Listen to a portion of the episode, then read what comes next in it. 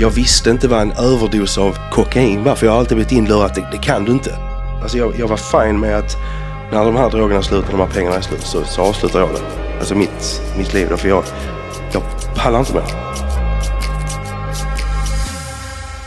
Ja, det är onsdag igen och ni har hittat till en beroendepodd som är Sveriges största podcast om beroende och medberoende. Mitt namn är Nemo Hedén och den här podden gör jag ihop med The House Rehab. Och i den här podden försöker vi att hjälpa till, kort och gott.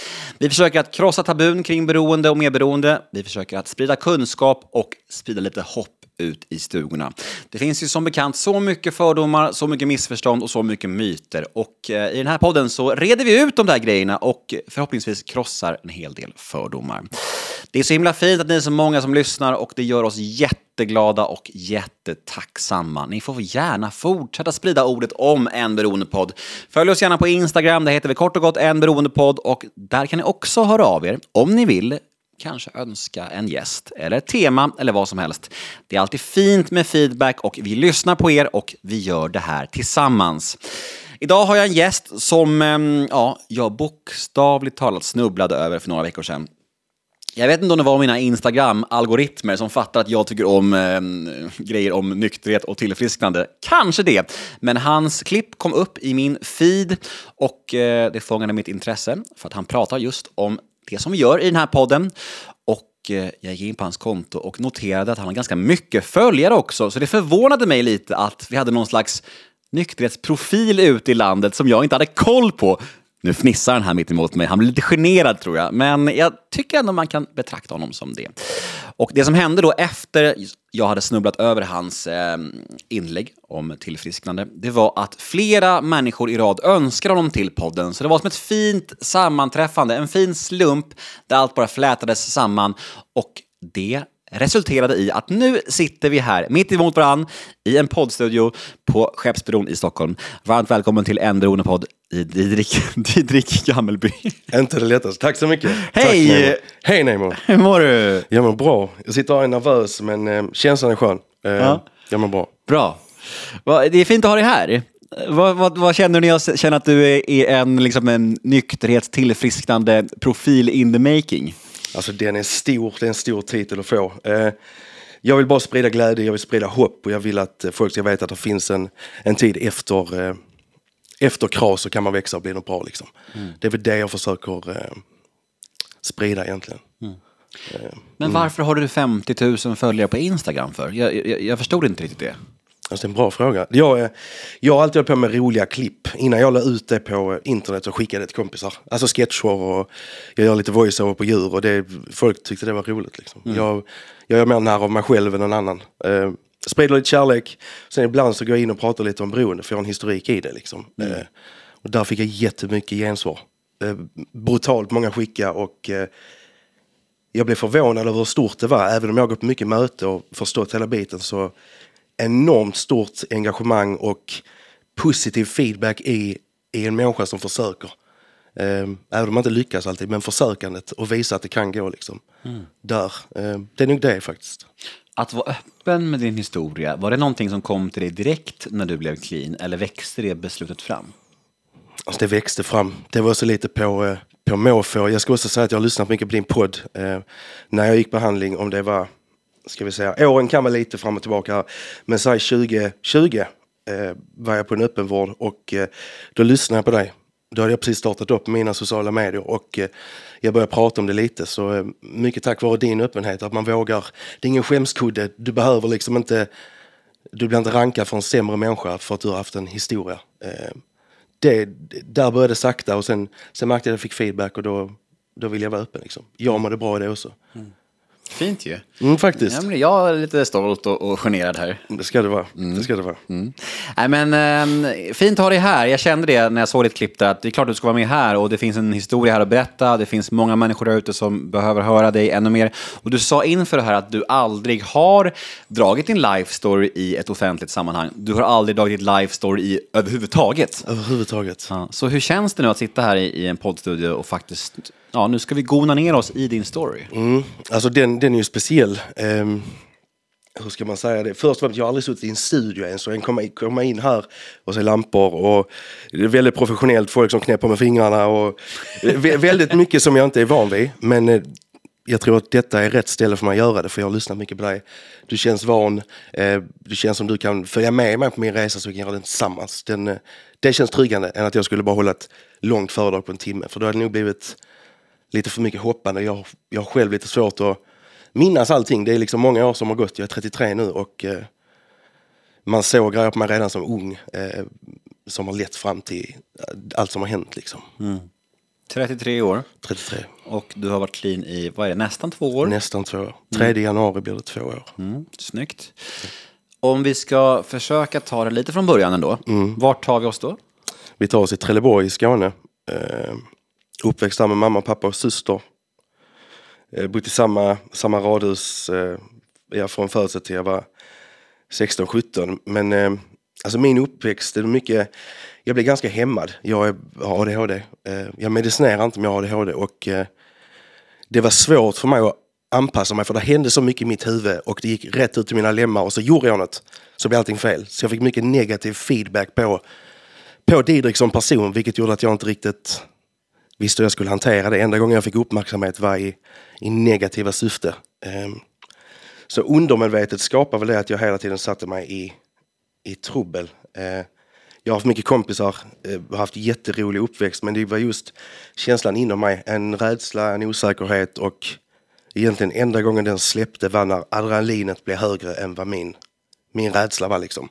Så jag satte mig ofta i situationer busstreck och jag lyssnade inte och jag dabbade mig hela tiden. Ehm, så det var liksom början på det. Um, ända sedan jag var liten och gick i skolan så jag kunde inte koncentrera mig, jag kunde inte sitta still. Mycket spring i benen. Ehm, och det var rätt oskyldigt fram till eh, 13, 14, unga tonåren. Eh, det är då jag börjar testa dricka. Liksom. Alkohol första gången för mig vid 14 ungefär. Inget jag gillar, men, men jag, jag blev liksom en cool människa. Alla som vann något, alla som vann något i, i den kretsen drack och det, det vill jag också göra. Liksom. Började dricka, började, började sälja lite eh, sprit till, till de äldre kompisarna runt om och fick, blev liksom en häftig kille på grund av det. Så allt, allt jag gjorde har alltid varit för att andra ska tycka jag är värd någonting. Skitsamma vad jag tyckte. Det tänkte man liksom inte efter. Men allting handlar om vad andra tyckte om mig. Att jag skulle vara eh, snäll, rolig, häftig, eh, tuff. För att jag själv var så rädd liksom. Det som du säger där, det här om eh, att få reaktioner från människor. Eh, Det här som kommer så naturligt för oss med ADHD, under skoltiden framför allt. Jag kan ju verkligen relatera till det. Att man blir liksom, man, man faller in i den här rollen direkt för att ja, men det ger en slags behaglig känsla, det här kicken man får av folks bekräftelse, av, av folks liksom skratt eller vad det nu är.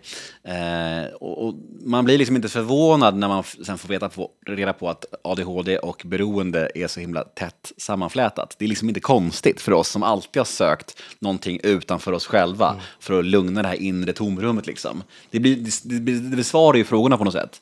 För för mig är det bara en, en slags förlängd arm. Alltså, det är samma sak nästan. Alltså det här med att man har sökt eh, kickar och yttre saker i, i barndomen med, med kompisar och skratt och allt sånt där. Och sen söker man liksom alkohol, droger, sex, bekräftelse, kändisskap, vad man nu än söker liksom. Man söker utanför sig själv för att stilla ett inre tomrum liksom. Och det är ju så mycket svårare att hantera när man har en ADHD i sig som bara liksom vill ha en snabb lösning som liksom feeds om de, om de här kickarna liksom. Det är väl just det som är problemet. För det har inte bara varit eh, droger som, eh, som jag har fastnat i och liksom grottat ner mig. Utan det har varit spel, det har varit sex, det har varit socker, det har varit eh, mat i eh, extrema mängder. Allting som jag kan göra excessive. Eh, för mycket av det vill jag göra. Liksom. Det är impulsstyrt, jag, jag drar mig till det. Eh, vilket har blivit osunt hela vägen. Och... Eh, Alltså jag ska ändå säga, jag hade ju en bra uppväxt. Vi, vi hade det gott ställt, det var eh, inga problem med pengar, så inte någon jätterik och inte precis medel liksom. Men mina, eh, mina känslor och allt som hände i mig blev för mycket. Eh, så när jag var, skulle säga 16, så bröt jag med allt som hette familj och allting och bara stack. Och där eskalerade det för mig totalt. Alltså för jag, jag kände mig så hårt hållen. Det fanns inte så mycket som var ADHD och kanske gå och prata med någon utan det var lite skämskudde när jag var ung. Så det var liksom inget vi pratade om utan det var bara att försöka tona ner och försöka pressa tillbaka det som höll på att byggas upp inom mig på något sätt. Så 16 sticker jag och eh, alltså jag bodde överallt på gatan, hos kompisar, i trappuppgångar, i bilar. Eh, bara jag, då fick jag göra vad jag ville kände jag. Då, då fick jag leva ut alla mina känslor. Det var ingen som sa till mig vad jag skulle göra och eh, rädslan försvann lite där. En, en fejkad tuffhet men jag kände inte av rädslan på rätt länge. Eh, för eh, alltså, i det kände jag mig fri fast det var katastrof på många sätt så kände jag mig eh, fri på något sätt. Vad sa dina föräldrar och din familj när du bara stack?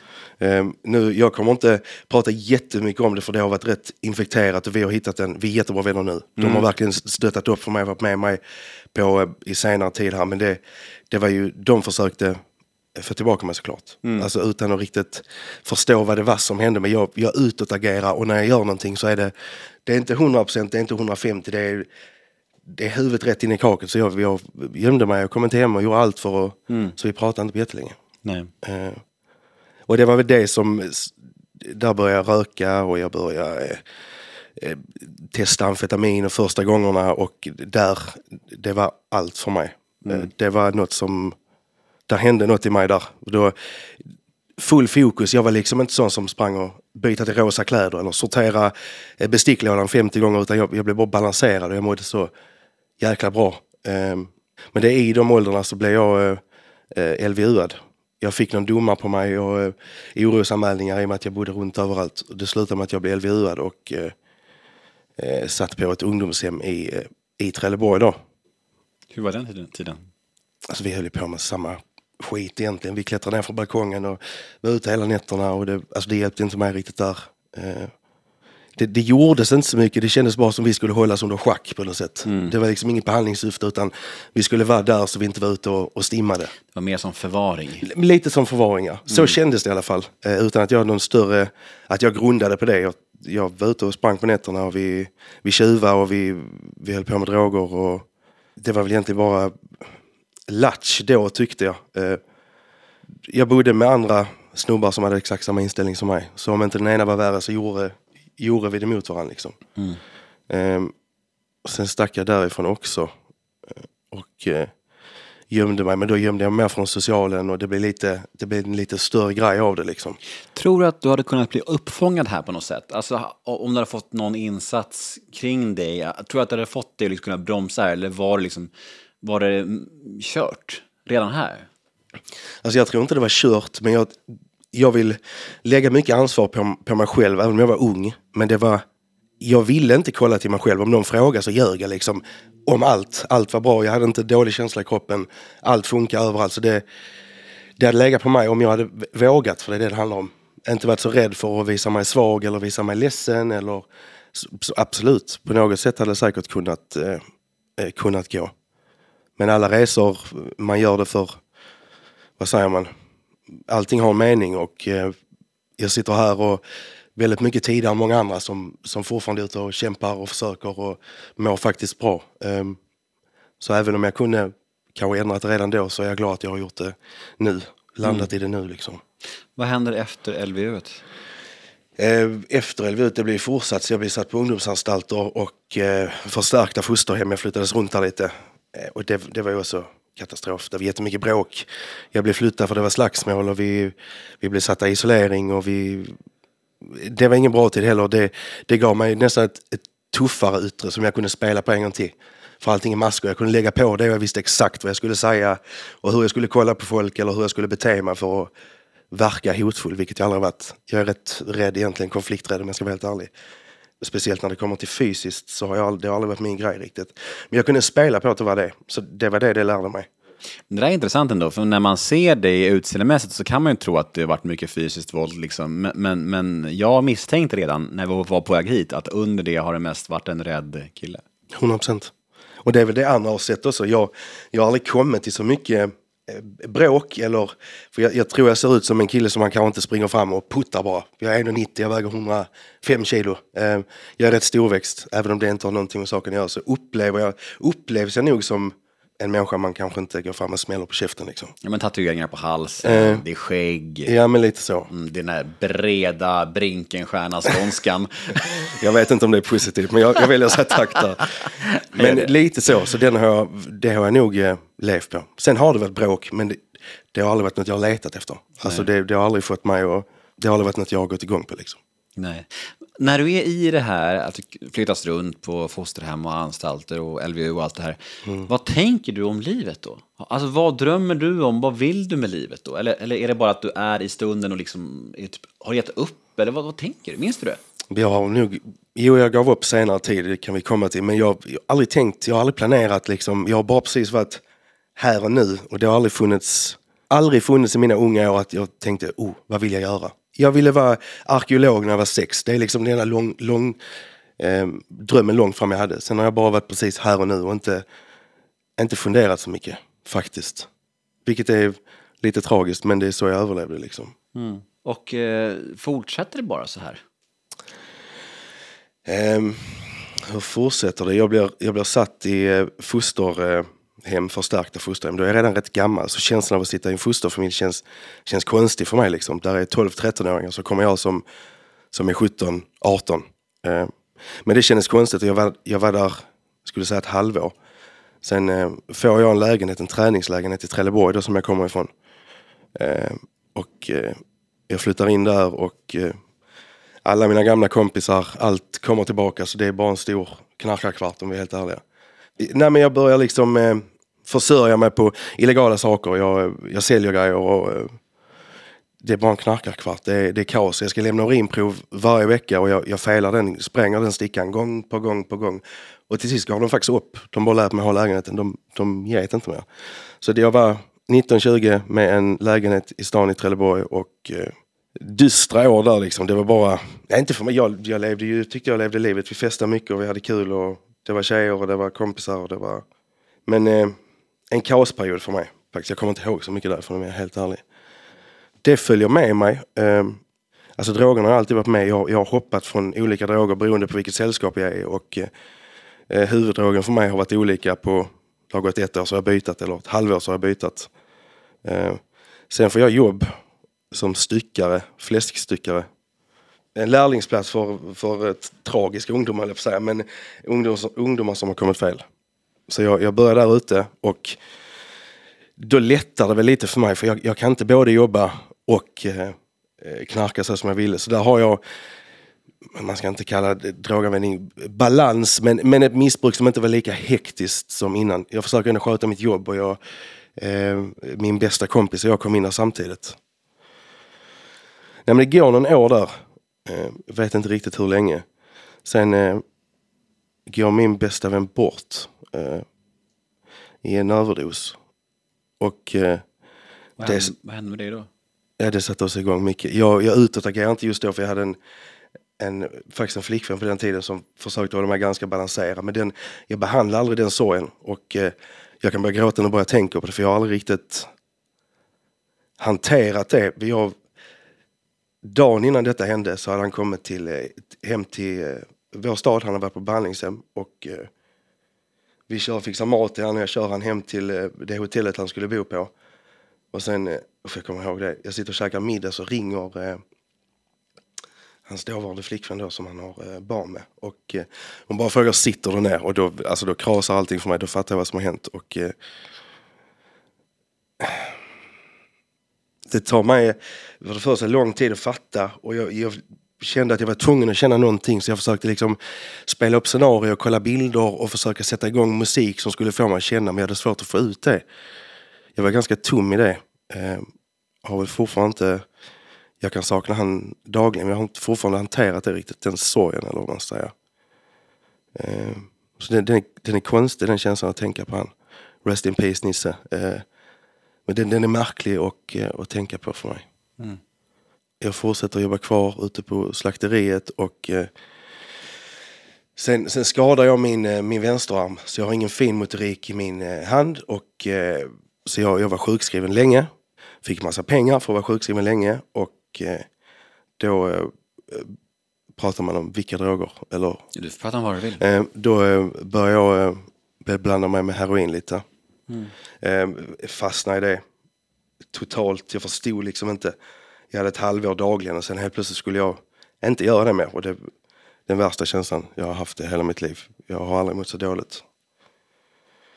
Ehm, men jag hade liksom, jag hade pengar till att göra det och jag kunde, det var liksom ganska, när man är i det och inte, inte har någon uppbrott då, då känns det liksom inte jobbigt direkt. Det är ständigt flöde på, på allting. Ehm, Sen bytte jag till, gick tillbaka till eh, amfetamin och började, eh, började spela. Eh, fastnade lite i, i kasino och hela den världen. Och eh, där flög ju alla pengar som, som någon gång varit där. Och livsstilen. Jag kunde festa, jag kunde, jag kunde spela, jag kunde göra allt jag ville och ändå vakna med att ha pengar kvar. Och det, det satte en konstig balans i mitt huvud. Det var som jag, det ville jag ha även när det tog slut liksom. Så jag gjorde allt för att ha pengar, tog lån, eh, fick andra att ge mig pengar, blev, blev äcklig och manipulativ och eh, ljög och allting för att jag skulle kunna fortsätta spela och, och göra min grej. Så det var jättestarkt för mig, det spelberoendet. Eh, varit fri från det i tre år, eh, lite mer än tre år. Gör, gör någon ansträngning här någon gång för att liksom ändra livsstil? Inte på ett bra tag. Jag mörkar det mer. Jag, jag ljuger för... Nu har jag fått tillbaka kontakten från mina föräldrar, eh, ska jag säga också. Eh, när jag var 20, 25 eller 26 så eh, fick vi kontakten tillbaka och eh, vi pratade om det vi behövde prata om utan att grotta ner sig för mycket. För jag, jag behövde mer stöd och hjälp än vad jag fick. Liksom. Eh, man behövde ha sett mig lite mer och eh, plockat upp mig eller stöttat mig på något sätt. Jag har en syster som är helt tvärt emot mig så det var kanske att man jämförde mig med min äldre syster som är, var fläckfri hela min uppgift. Eller upp, uppväxt, förlåt. Eh, Men där får vi tillbaka kontakten och eh, jag ljuger liksom bara för att ingen ska förstå att det är något, är något tokigt. Eh, och jag klarar det ganska bra, rätt många år. Man, man blir expert på mörka. Man, man sjukar sig till, till saker man, man säger att man inte klarar. Man kommer... Usch förlåt mamma, men jag stod liksom på julafton och sånt och smög in på toa och, med min lilla påse jag hade. Och, eh, kokainet hade ko- kommit in då, vilket också de sista fyra, fem åren så var det konstant eh, kokain. Liksom. Det var det jag, det är min huvuddrog sista tiden. Det var det, eh, kokain och alkohol. Min röda tråd är att jag alltid har eh, försökt att inte vara mig själv. Liksom. Inte aktivt tänk och nu ska jag känna något annat utan hela mitt väsen har bara varit att jag ska ha i mig så mycket som möjligt så snabbt som möjligt. Och, mängder med gånger folk har hämtat mig liggandes någonstans eller avtuppad där eller vaknat på akuten eller jag har gränslös i alla mina angelägenheter. Det där är intressant som du säger, att, att när man är i det så tänker man att man knarkar för att, för att ja, men jag gillar effekten. Och du vet, så här, man har massa ursäkter och anledningar. Men sen så när man väl tillfrisknar och kommer ur det och får distans och perspektiv, då fattar man ju att allt handlar ju bara om en flykt från sina egna känslor. Att slippa vara sig själv liksom. Det är det det handlar om. Där- Och så har man liksom bara ursäktat det med så här, men jag gillar effekten, det är härlig effekt. Så här, jag tycker om att festa. Men du vet, så här, det är bara så här, vad är det för självbedrägeri liksom? Det är hemskt. Och det är ständigt liksom. Och man, man, man ljuger ju mest för sig själv. Det är det, för att kunna ljuga så bra som, jag säger vi, som alla beroende gör. Och, eh, då ljuger man för sig själv först och främst. Jag kan liksom, jag kunde inbilla mig själv grejer så att jag verkligen kunde stå och kolla någon rätt i ögonen och berätta. För jag trodde på det. Jag ljög så bra för mig själv så jag, jag kunde liksom lovorda någonting. Detta kommer gå igenom om jag bara får den mängden pengar eller detta här eller det på krita eller så fixar jag detta. Eh, kaos varje gång. Men man ser inte det för just då är det löst för stunden och eh, då mår man väl bra inom situations, eh, situationstecken. Men det dröjer ändå ganska många år från det här tills du faktiskt blir clean på riktigt. Ja. Gör du några riktiga försök innan du faktiskt lyckas? Eller är det bara så halvdana pissförsök? Typ? Alltså det är väl egentligen eh, halvdana pissförsök och försök för att eh, min mamma och, och pappa gjorde allt. Liksom. De, de betalade av mina eh, skulder, eh, spelskulder, så gör jag det igen. Allt de hade betalt av och hjälpt mig fixa och ringt runt. Och, alltså det, det heltidsjobbet de la ner på det. Jag gjorde exakt samma igen. Alla pengar tog jag ut och gjorde exakt samma igen. Eh, och då, då kände jag för deras skull att jag skulle börja gå på eh, eh, spelberoendesförening. Så jag gick där, men då var jag aktiv på droger. Och då, alltså, då spelade jag kanske inte så mycket, men, men jag, jag var ju tväraktiv på, på allt annat. Så det var, jag vill säga halvdana. Jag gick där rätt mycket och, och min morsa hängde med mig och jag var jättetacksam. Men det var inte rätt eh, tid för mig. Jag gjorde det bara för att folk skulle sluta kolla så mycket åt mig eller syna mig eller kolla mina ögon när jag kom eller eh, mycket därför, vilket är hemskt att säga om man känner sig som ett kräk. Så mycket jag har ljugit för de som verkligen har velat hjälpa mig. Eh, men så har det varit och det, det är sanningen utan att sitta och tycka att jag är en hemsk människa. Så har jag betett mig som en hemsk människa i egenskap av eh, droger, eh, förlust av droger, att jag inte har det, att jag vill spela. Allt annat har varit viktigare än att känna till mig och till de som verkligen bryr sig. Det har varit mitt signum liksom. Men jag tror ändå att de som lyssnar på den här podden har så pass mycket kunskap om beroendesjukdomen att de vet att vi som är i ett aktivt missbruk inte vill skada våra nära och kära. Det är inget man vill, Nej. man är bara inte kapabel till bättre där och då. Sen betyder inte det att man inte har något ansvar. Det handlar inte om att man, man ska tycka synd om sig själv eller, säga, eller skylla på sjukdomen. Alltså alla vi som är sjuka i den här sjukdomen har ju ansvar för vår sjukdom. Så är det ju. Men med det sagt så, så eh, är man ett aktivt missbruk utan en lösning ur det så är man ofta inte förmögen till bättre än det där som du beskriver. Det är ju så när man är i liksom, knarkets eller spelets våld.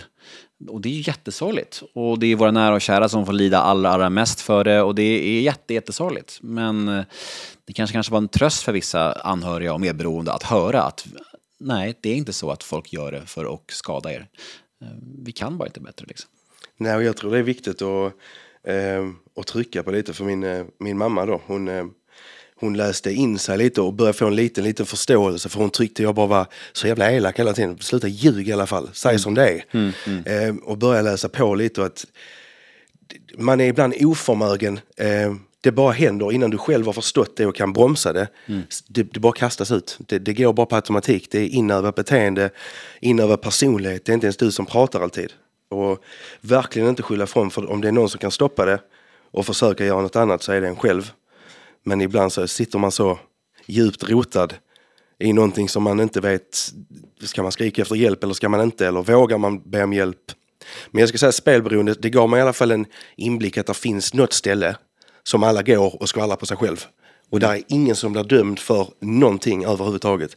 Det gav mig en ganska skön känsla. Ehm, det gav mig någon, eh, någon förståelse. Jag hade hört om, om alla gemenskaper som finns och jag visste att det fanns. Och vi hade gått dit någon gång på ploj och hämtat ut bara för idag liksom innan man visste riktigt vad, vad det var. Men, En, en brickor eller? ja, den vite, varför vi var nyktra idag liksom. Just det. Eh, Men det var inget, inget seriöst. Men jag visste att det fanns. Men eh, eh, de spelmötena gav mig ändå... Jag fick se att det fanns en, eh, en gemenskap. Och det var väldigt fint att se. Även om jag inte var mottaglig för det då. Mm. Nej, men det där med hur förljugen man är, det är så jävla... Det är så svårt att, förklara för någon som inte har varit i ett missbruk hur förljugen man är. För man är ju sån... Alltså jag kunde ju vara så här att när folk frågade mig om, om vad jag var och jag var på ICA så sa jag liksom Coop. Bara på automatik. Bara för sakens skull. Alltså jag tänkte inte ens. Det är liksom så här... Och när jag gjorde ett av mina steg i, i 12-stegsprogrammet så, så i ett steg ska man ju berätta om sitt liv, man ska, liksom, man, ska liksom, man ska gå igenom listor, man ska berätta sin life story och då, och då så, typ så här, så berättade jag en historia för min sponsor och han var ju bara så här, mm, okej, fast du Nemo, var det verkligen så här? Var det inte snarare så här? Så rättar han liksom mig i min story och jag bara, du har fan rätt. Det var, det var ju som du säger. Liksom. Fattar du förljugen man är om man liksom har diktar ihop sin egen historia? Liksom. Äh, du vet, det är så jävla sjukt. Men det är, så, det är så, som du säger, det sitter så djupt, det är så starkt och man har ju lurat upp sig själv liksom, i ett träd. Så, och, man inte ens förstår det själv. Om vi är ärliga så har man ju ljugit mer än vad man har talat sanning. Så Ja. det blir nästan så lögnen blir den impulsiva sanningen. För det är det man har sagt mest. Exakt. Och man tror att det är sanningen. Men man ljuger mer än vad man eh, talar sanning. Jag vet. Så mina historier kan också vara att eh, jag kan sitta och prata med en vän och säga att vi har gjort, som det stämmer inte. Det är, liksom, det, det är kryddat eller så är det borttaget den delen som jag Exakt. inte vill. Mycket, mycket, mycket märkligt. Jag, hade en kom, jag har en kompis i 12-stegsprogrammet i gemenskapen som, som, som berättade, när han satt med sin sponsor, då sa hans sponsor till honom så här. Du, vet du hur jag vet att du ljuger? Och då sa han så här, nej hur då? Dina läppar rör sig. Mm. Ja, Det är så jävla bra. ja. Och det stämmer ju också, tyvärr alltså. ja. Men okej, så du får ändå någon slags em, försmak eller liksom teaser av att det finns ett annat liv när du går på de här eh, ja, spelberoendemötena, kan man säga. Mm. Eh, härefter eh, flyttade jag till eh, Helsingborg, en annan stad i Skåne. Och eh, inte för att fly direkt, men jag har träffat en tjej där uppe och jag har fått jobb där uppe. Så jag, jag flyttar till en egen lägenhet i Helsingborg. Och det blir liksom eh, kaos direkt. Jag lämnar inte eh, drogerna en dag och eh, spelet, det bara kom liksom. Om det inte var, eh, jag fastnade lite i, i eh, tv-spel också. Så jag, tv-spel, spel för pengar, droger varvades. Och eh, jag, jag förstörde den möjligheten till jobb innan jag ens hade börjat. Liksom. Det var inte länge jag var där. Jag, jag kom inte, jag ljög, jag kom med undanflykter och det var ett bra jobb. Jag kommer ihåg att jag trivdes när jag var där. Men jag är helt oförmögen. Jag var aktiv på jobb. Jag, jag skulle köra viktiga resor. Eh, vi, eh, jag jobbar med chark och sånt, kör ut i restauranger. Jag missade tider, jag kom inte ens och restauranger blev tokiga. Och jag bara ställde till det helt och hållet. Jag ljög för eh, flickvännen jag var med då. Jag ljög för mina föräldrar, jag ljög för mig själv, jag ljög för, för allt. Jag, jag var fortfarande aktiv liksom. Och eh, ändå på något sätt så pysslar jag ihop idén att vi ska flytta ihop liksom. Jag fortfarande mörkar, det är ingen, ingen som märker direkt. Eh, jobbet, jag går inte hem och berättar hur det är, utan det, det håller jag för mig själv. Eh, och vi, vi ska då flytta ihop. Och, eh, Jag skrattar för att det, det här är så intressant, det här med att man har liksom flickvän här. Och det, jag, för mig var det exakt samma sak. Jag hade liksom en, en flickvän när jag var som absolut värst. Det är sjukt. Och det är så sjukt alltså. Och det säger ju bara någonting om hur jävla manipulativ man var som lyckades hänga kvar i den rela- relationen. När man bara är en jävel som bara knarkar och stökar och bara liksom är kaos. Det är hemskt alltså. Jag, jag kan inte sitta och mynta ihop en lögn i närheten av hela livet som levdes där. Det, det är helt sjukt. Men vi, vi ska i alla fall flytta ihop där. Ja. Och eh, vi gör det. Och det, det blir inte bra liksom. Det, det var inte... Jag försöker någonstans, du vet jag vaknar och har mått skit och näsan blöder och den visslar och allt som är kaos runt det. Jag har inga pengar eh, två dagar efter löning för jag har spelat bort allt. Eh, så hon, eh, hon flyttar ut. Och jag sitter och tycker synd om mig själv och tycker att hon är jätteelak som gör det. Men jag fortsätter och det blir värre och värre och i tre månaders tid så jag, jag åker bara ut för att fylla på mitt förråd av droger liksom. Jag har tagit ett, ett banklån så jag kan eh, ohindrat dra i mig hur mycket som helst. Och det är det jag gör. Och spelar bort och vinner sjuka summor och eh, knarkar upp det, spelar upp det. Håll- Det håller på så hela tiden liksom. Ekorrhjul. Riktigt ekorrhjul och jag var så fast i det. Ehm, jag visste inte vad en överdos av, av kokain va? för jag har alltid blivit inlurad att det, det kan du inte. Men jag, jag satt och ryste så här varje kväll av mängderna jag tryckte i mig utan att fatta att det, det är en överdos. Överdos betyder inte bara att det är flatline liksom. Eh, innan, varje kväll hade jag den men jag fortsatte och jag fick hälla i mig grejer för att näsan var katastrof liksom. Eh, så det, det var botten. Jag började dricka eh, ännu mer. Alltså jag, jag var fine med att när de här drogerna är slut och de här pengarna är slut så, så avslutar jag det. Alltså mitt, mitt liv då, för jag pallar inte mer. Alltså jag orkar inte. Jag, nu har jag ljugit för alla som någon gång kan tänka sig att bry sig om mig. Jag tänkte inte på vad jag gjort på mig själv utan fortfarande självömkan. Jag har ingen hjälp att hämta någonstans ifrån. Och där ringer jag min, eh, min pappa och bara gråter liksom. Och eh, han frågar om jag inte kan komma hem och jag säger att jag ska göra det. Så är jag kvar en, två veckor, fortsätter liksom med skiten. Men sen, eh, sen hämtar min bästa vän mig. Eh, Jimmy hämtar mig och kör hem mig till hans så att jag får bara liksom komma hem till stan nära mina föräldrar och eh, sova. För det hade jag liksom inte gjort på månader. Jag hade däckat någon tillfälle men så fort jag var vaken var det igång igen.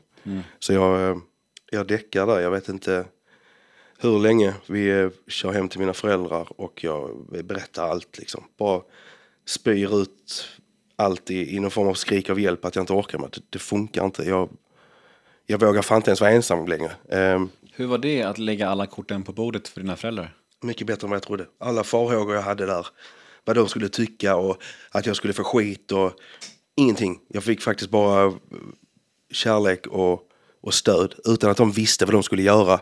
Så att de kanske lyssnade mer än vad de sa, du måste göra. Utan jag fick bara säga det jag behövde säga liksom. Eh, Så det var faktiskt, det är oftast bättre, eller jag vill säga alltid, det är alltid bättre att vara ärlig än att inte vara det. Och det är, det är oftast skönare än det du inbillar dig. Det är inte så hemskt som, som det kan kännas. Eh, och det är frigörande. Om man pratar om en ryggste, ryggsäck med sten av, av börda och ångest och allt man har orsakat. Men att bara få sätta ner den en stund när man delar med sig av, av någonting som har hänt, allvarligt, inte allvarligt, vad den kan tänkas vara, så ger det en frihetskänsla. Och eh, den gråten där var, var äkta, för det var att jag släppte de murarna som jag hade hållit upp och försökt hålla upp eh, så länge. Så det var sjukt känslosamt men väldigt frigörande för mig det där. Det är väldigt fint att höra och det är väldigt sant där också med att eh, det liksom finns en gammal förlegad bild om att det är någonting fult och skamligt att erkänna ett missbruk. Och att den här, det sitter så djupt hos människor att vi tror att vi ska bli dömda, att det är så, något dåligt, att man är svag och allt sånt där. Men nästan undantagslöst när man lägger korten på bordet för någon, eh, anhörig, medmänniska, kompis, vän, bekant, så möts man ju bara av kärlek och förståelse och välvilja och att folk vill hjälpa liksom. Ändå så tänker vi, som du tänkte innan där, att det kommer bli jätte, jätte ja, men ångestfyllt och, och skam och skuld och så här. Liksom. Fast det är ju inte så. Det är bara, det är bara så här rädslor liksom. Sitter så djupt i oss. De har man ju orsakat själv genom att ljuga och folk försöker tvinga fram något för man vägrar berätta det själv. Jag tror det kommer därifrån. Mm. Att man har själv byggt upp den stigma runt att jag kan inte säga någonting för det blir så pass stort. Mm. Men om man själv kommer och kanske böjer på den stolta nacken som inte är värd någonting och faktiskt ber om hjälp och eh, berättar så, jävligt skönt. En av de bästa känslorna jag har haft. Mm. Även om inget var löst då så fick jag eh, någon annan känsla än, eh, än bara ångest. Eh, och därefter började vi liksom eh, jobba för någonting. Jag, eh, jag gick ner till, eh, till SUS och ville liksom ha hjälp med mitt beroende, försökte förklara situationen. Alltså jag var risig. Jag, jag säger att det är en kilometer ner till så jag kunde inte gå ner där. Jag fick liksom bli körd. Jag var helt utmattad. Hela min kropp var eh, utmärglad liksom. Vi, vi fixade en plats hos mig på, eh, på ett boende för eh, folk som kanske inte hade det så bra ställt eller som var aktiva. Eller, det var ett jävla dåligt ställe för mig att vara på. Och jag klarade att hålla mig ren i en vecka. Sen står jag i tvättstugan. Eh, så kommer ner en snubbe med eh, två påsar. Eh, heroin och eh, koks och frågar om jag vill följa med in på rummet. Det första jag gör, jag, jag vet inte var jag hittar den kraften för, men jag, jag springer hem till mamma och lägger mig och gråter och säger jag kan inte vara där. Uh, alltså jag, det är första gången jag kände så kraft, jag har aldrig känt så stor kraft det har haft på mig. Jag har aldrig väntat så länge för att känna att jag måste eh, ha någonting eller fått ett sånt sug. Jag har bara alltid haft tillgång på något sätt. Mm. Så det var första gången jag verkligen fick en wake-up call att detta här, alltså det är farligt alltså. Det, mm. det är katastrof. Um, och, och vi, vi pratar ut lite där. Men jag, jag tar mig tillbaka till det eh, hemmet. Eh, och vad tar det? Två timmar, sen sitter jag på hans rum liksom. Sen eh, körde vi och eh, eh jag gick på metadon ett par veckor. Men sen, sen kom jag in på, på den öppenvården jag, jag blev inskriven på där. Vad är jag nu? Kanske 30? Ish. 30-31. Så kom jag in där och eh, där började mitt första riktiga försök. Det var ett tolvstegsprogram. Eh, jag gick där, vi hade möte, vi hade morgonmöte, vi hade rutiner som passade mig. Man hade tillgång till att träna och det var ganska fritt under ansvar liksom. Och det, det var öppet. Det var, jag blev inte inlåst, jag blev inte tvingad till någonting utan det, det var min vilja som skulle styra det. Och det, det funkar faktiskt eh, bra för mig. Det sådde frö hos mig som, eh, som hjälpte mig fortsätta efter, efter den tiden. Jag tror jag var där fem månader. Ehm, jag har, eh, jag lär mig jättemycket här och jag har ett återfall på stället. Ehm, jag träffar upp en gammal kompis som man gör av konstiga anledningar. Och eh, vi kör i hans bil och det ramlar ut en påse ur, ur handskfacket. Jag var helt... Jag, jag, från det att jag tar påsen, eh, tanke till handling, det, det är noll. Så, så, sitter där igen. Men jag går faktiskt hem och skvallrar på mig själv till behandlingshemmet. Så jag får stanna. Och eh, eh det var nog avgörande för mig. För där märkte jag också, även om jag ställer till det på ett sånt här ställe, så ärlighet bara mm. kommer lite ärlighet här så, så finns det folk som fortfarande vill hjälpa en. Mm. Um, Ärlighet, öppenhet, villighet. Exakt, mm. exakt. Alltså jag hade lite problem med att när jag inte fick eh, knarka eller spela så skulle jag träna tre gånger om dagen nonstop. Och det är liksom alla dagens vakna timmar skulle jag Jag spelade volleyboll, jag spelade padel, jag styrketränade, jag var ute och gick och jag försökte springa. Jag gjorde allt. Kanske bra, kanske dåligt, men jag manisk på allt annat innan jag hittade någon form av balans, vilket jag fortfarande kämpar med. Det, det är svårt, min balanssättning. Men Ja, men jag är likadan. Ja. Ja, och jag tror att det där med balans, det är... Jag förstår tanken med människor som vill ha balans, men jag, och jag snackar bara utifrån mig själv nu, för mig handlar det om att hitta ett förhållningssätt i livet som jag tycker att, att det funkar. Att liksom tro att jag ska ha balans i allting, det kommer jag aldrig att ha. Och då är det bättre att bara landa i att jag inte är en person som kan få den perfekta balansen. För om jag landar i det, då slipper jag också slå på mig själv och bli besviken på mig själv för att jag inte lever upp till personen jag vill vara. Så länge mitt liv funkar och jag mår ganska bra och, liksom så här, och alla bitar funkar, det är ju det viktigaste. Att hitta en perfekt balans där jag liksom gör allt lagom hela tiden, det kommer jag aldrig göra. Så jag har liksom gett upp den tanken. Eh, vissa kanske når dit. Good for them, men jag är inte en sån person. För jag är lite som du är inne på också, också väldigt så här, du vet, när paddel kom till, eh, när paddelboomen kom där, eller paddelhypen kom där vid corona, jag spelade ju varje dag, två pass om dagen i typ ett år. Alltså sinnessjukt. Men det, jag blir så med grejer jag eh, ty- tycker om. Hittar jag en maträtt jag tycker om så äter jag den varje dag i två månader. Tills, tills jag kräks på den. Samma med någon godis, eller hittar hittar jag en låt jag tycker om så har jag på den dygnet runt i flera månader. Tills jag inte vill ha den längre. Alltså, du vet, så är det med allt. Och det är inte sjukt kanske, men samtidigt så här, det är väl bättre att vi är lite knäppa med såna här mer harmlösa saker idag än att man flyr in i alkohol, droger, sex, spel, allt det där farliga. Alltså jag säger inte att, att, liksom, att det är bra att fly in i paddel eller godis eller träning. Det är klart att det också kan vara problematiskt, såklart. Men det är ändå olika grader i helvetet. Och så ser jag på det. Sen är det upp till var och en hur man vill ha det, men, men det är min take på det. Alltså jag köper det och det, det ska jag faktiskt ta med mig för det, det är ofta jag tänker på. Eller jag har väl fått mycket, det ska jag vara ärlig och säga, mycket av tankarna jag har fått upp i kommentarer från andra. Eh, du kan inte hålla på och träna tre gånger idag om dagen och du kan inte göra det och du, du måste välja någonting.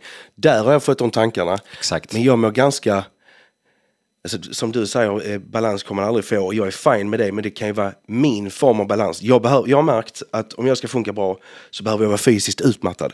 Eh, om jag blir fysiskt utmattad så, så blir mitt huvud snällare mot mig, mina impulser blir inte så starka och jag hinner, jag hinner stoppa mycket av det som händer. Men jag behöver jobba hårt och jag behöver eh, använda min kropp eh, till det den är gjord för, att röra sig och lyfta och vara igång. Det, det är viktigt för mig. Och, exakt, och sen så är det någonting på spåren här, det här med att vad är mina känslor om det här och vad är vad andra tycker?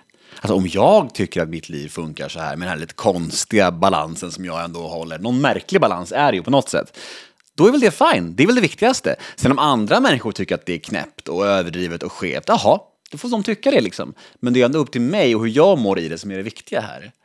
Eh, Så att jag, det är samma sak med kost. Jag har ju perioder där jag svullar som fan och sen perioder där jag äter bara sallad och dricker vatten i några veckor. Och det är ju jätteknäppt, jag fattar ju det. Men det är min form av balans. För jag har landat i att jag aldrig kommer kunna bli en sån person som äter ja, men bara socker på eh, lördagar eller så här, och äter liksom mellan halvsund kost. Jag kan inte det. Det är på eller av för mig. Och det är inte jättesunt och det är inte det bästa, men det är min form av balans. Det är en balans i alla fall. Och det, det, det skadar inte så mycket som, som andra grejer kan göra. Liksom. Så Nej. nej, nej, jag köper. Jag, Jag det. övar, jag övar verkligen på det här med att, att gå efter vad jag tycker snarare än vad andra tycker. Liksom. Det är Ja, svårt. Det är svårt. Ja, ja, jag har jättesvårt för det. För det, det blir... Eh, man hör det ofta och folk vill en väl. Men bara för någonting funkar för dig så funkar det inte för mig. Och det, nej, jag, jag ska bli bättre på det också. Försöka jobba på det. Men Eh, jag har några år försprång på dig. eh, men man, man går efter dem som eh, man, ska, man ska följa liksom. Men vad händer då sen där? Eh, Du har eh, hittat någonting och... och eh, Håller du dig clean där efter öppenvården eller? Eh, det, jag har en, därav att jag har eh, 3 januari 2022 blir det. För att jag har ett återfall där. Eh, men eh, det går bra. Jag, jag skaffar ett jobb. Jag, jag är sotare och det, jag blev sotare där. Kom in på en lärlingsutbildning. Eh, blev sotare och, eller är sotare. Och det, det funkar bra. Sen, eh, jag är tillsammans med en tjej här. Eh, det är liksom, precis som jag har letat tröst hos andra, att de ska liksom hålla mig i handen genom grejer.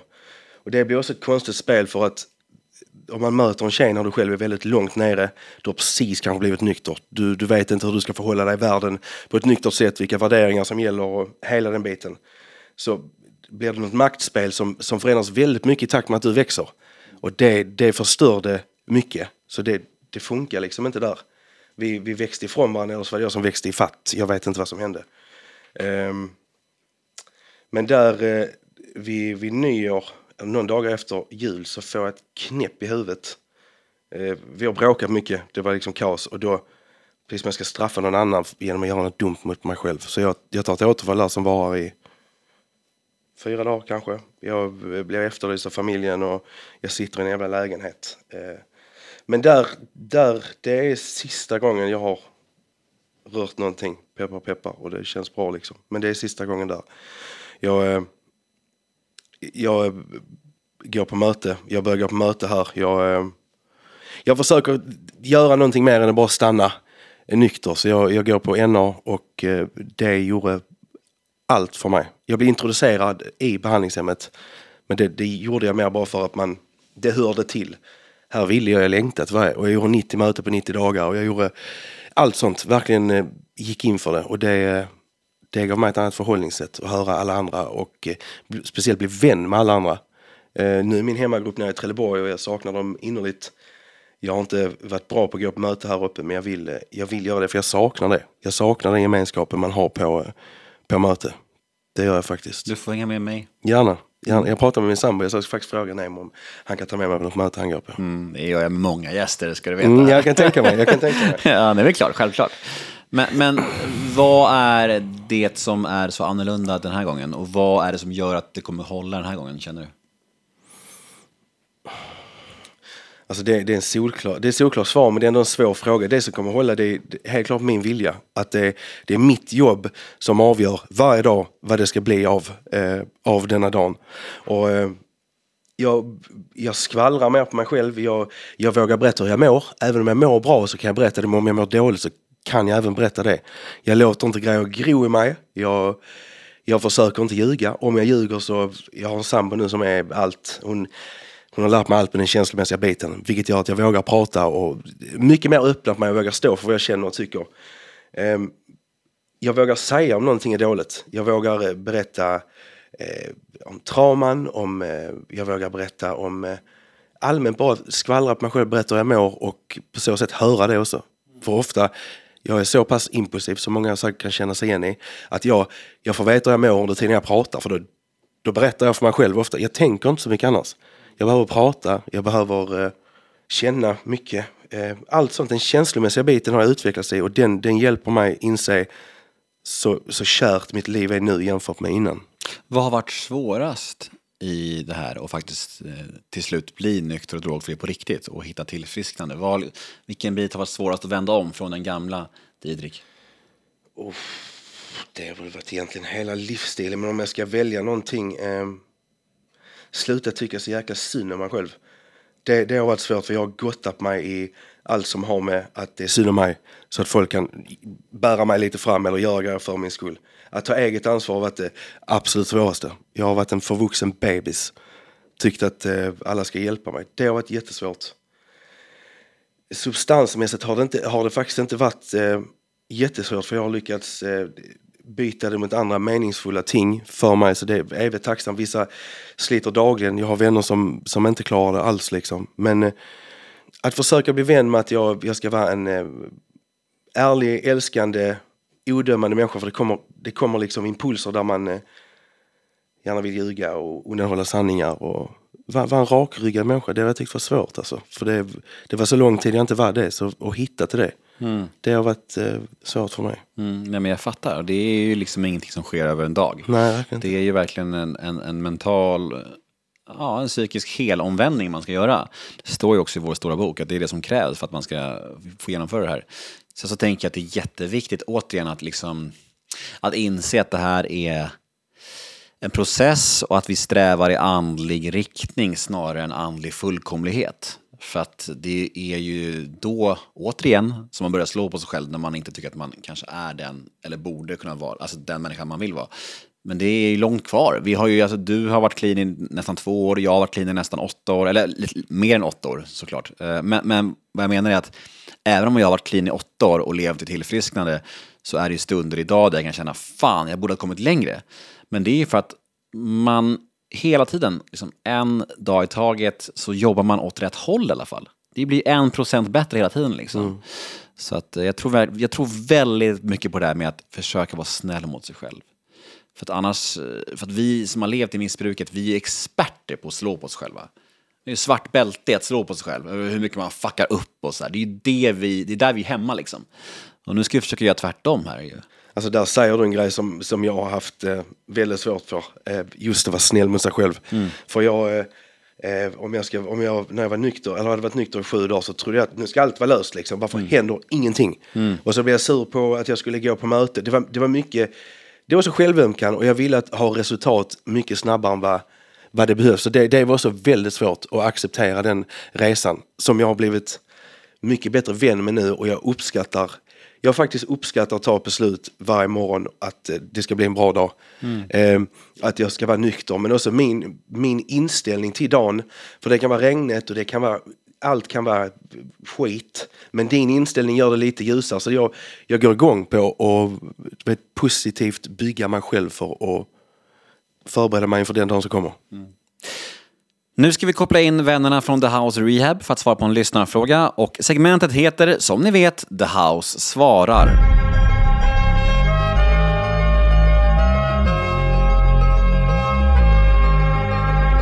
Ja, då har jag fått sällskap här i studion av Robert och Felix. Välkomna mina kära vänner. God dag. Hejsan Nemo. Hej, hur mår ni i höstmyset? Ja, men vi mår ganska fint. Det är härligt faktiskt. Det har varit lite hostigt. Ja, det har det. Lite sjukstuga? Ja, lite sjukstuga har det varit. Ja, det har varit något som går runt i hela stan faktiskt. Så det har ju drabbat oss lite här, här också. Men nu är ni på benen igen och redo för att ta er an en lyssnarfråga. Ja. Gärna.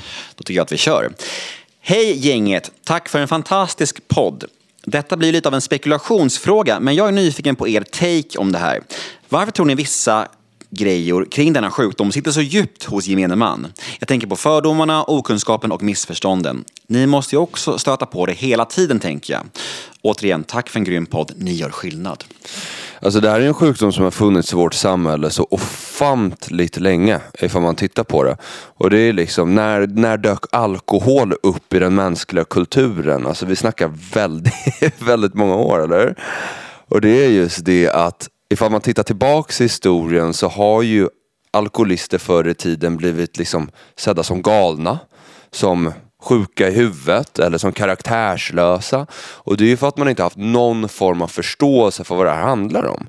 Um, och det är ju inte så konstigt om vi tittar på 1500-tal och 1600-tal, eller hur? Men det här har också följt med oss upp till ganska nyligen i tiden. Sen så har vi ju det här blivit porträtterat i media och i kultur och eh, det är ganska många saker med hur vi tittar på den här sjukdomen idag som man kan liksom tracea tillbaks i tiden. Bra att du tar upp det där med historiskt Felix, för att det finns faktiskt texter eh, från extremt tidigt där man har antytt att man tror att rusdrycker skulle kunna vara någon form av sjukdomstillstånd. Eh, på 1300-talet fanns det en period där man, där man fick för sig att eh, det här var ett sjukdomstillstånd och de människorna som led av det skulle utrotas. Eh, man hällde smält bly i halsen på de som var eh, alkoholiserade. Och det var ju lite någonstans samma teknik och tokiga idé man hade om småväxta personer. Att liksom, det, här ska, det här ska utrotas.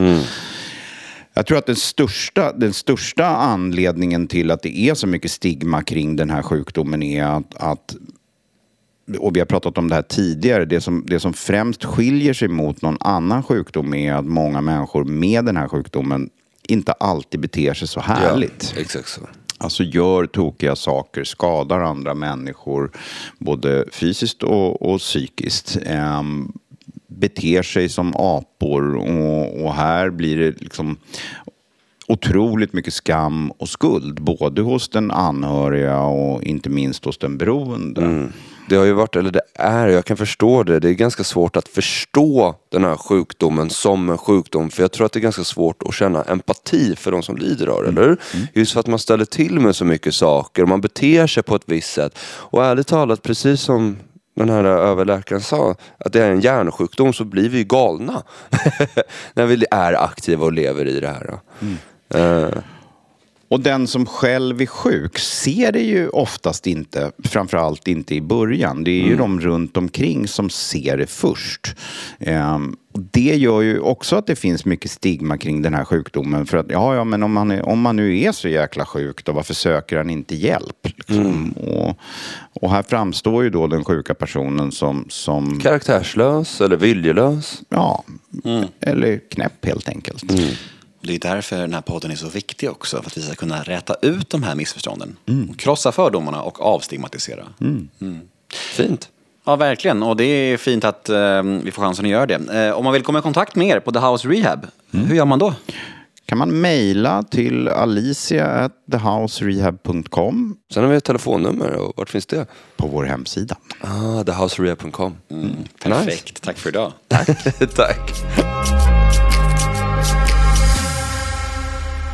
Mm, tack The House, tack du som ställde din kloka lyssnarfråga. Hoppas du känner att svaret var givande och tillfredsställande. Jag sitter här med Didrik och vi har fått eh, ja, nosa lite på hans eh, livshistoria här. Och, eh, ja, du var ju nervös innan du kom hit. Hur känns det nu? Det känns bra. Eh, Jag måste säga att du gör ett väldigt bra jobb. Du eh, lyfter upp mig när jag behöver och du, eh, du får mig känna mig väldigt trygg i detta. Så jag eh, uppskattar dig och uppskattar att eh, du vill ha med mig här. Så jag, jag kommer att lämna här med en riktigt god känsla. Så. Härligt. Ja, men det kommer jag också göra. Du, eh, om du ska peka på lite sidovinster som du har fått i din nykterhet och i ditt tillfrisknande. Vilka grejer sticker ut som de allra största gåvorna som du har fått till dig i ditt jobb med dig själv? Ehm, relationer med, med min familj, ehm, relationer med min sambo. Ehm, jag vågar lita på mig själv. Jag kan sätta upp eh, små mål om så bara för dagen och jag, jag, eh, jag gör dem. Eh, min, min trygghet, min, eh, min självkänsla, min självbild har blivit eh, bättre. Jag är, jag är ganska trygg i mig själv på ett sätt som jag aldrig har varit. Jag behöver inte maskera så mycket utan den jag är, är absolut inte perfekt. Det är knappt... Jag är som jag är och jag är nöjd med det. Jag, sen utvecklar jag mig dag efter dag och för det jag behöver men inte för någon annan. Det är den största vinsten för mig. Det är en, det är en stor sidovinst för mig att det har kommit. Eh, att jag litar på mig själv på ett annat sätt.